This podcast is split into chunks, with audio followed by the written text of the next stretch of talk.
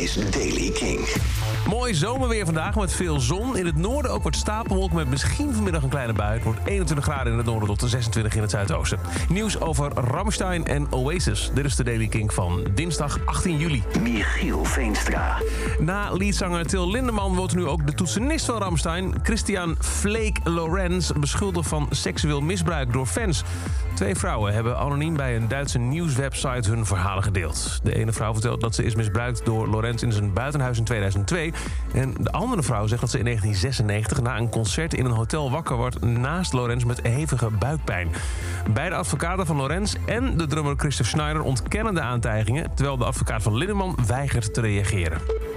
Damon Albarn gelooft sterk dat Oasis op het punt staat een grote comeback aan te kondigen met een reunie en een nieuw album. Damon heeft al eerder gezegd dat hij erop heeft gewet met geld dat de Gallagher Broers ondanks hun ruzies weer samen zouden komen. Want het is gewoon een heel lucratief project. En hij verwacht dus ook, zegt hij nu, een uitstekend nieuw album. Terwijl Blur om de paar jaar een reunie houdt, op dit moment zitten ze er middenin eh, eentje, viel Oasis in 2009 uit elkaar naar hevige ruzies tussen de broers Gallagher. En die ruzies duren, voor de bühne althans, tot op de dag van vandaag. Dat is over deze editie van The Daily Kink. Elke dag een paar minuten bij met het laatste muzieknieuws nieuwe releases. Niks missen? Zoek dan in je favoriete podcast app The Daily Kink op en abonneer je.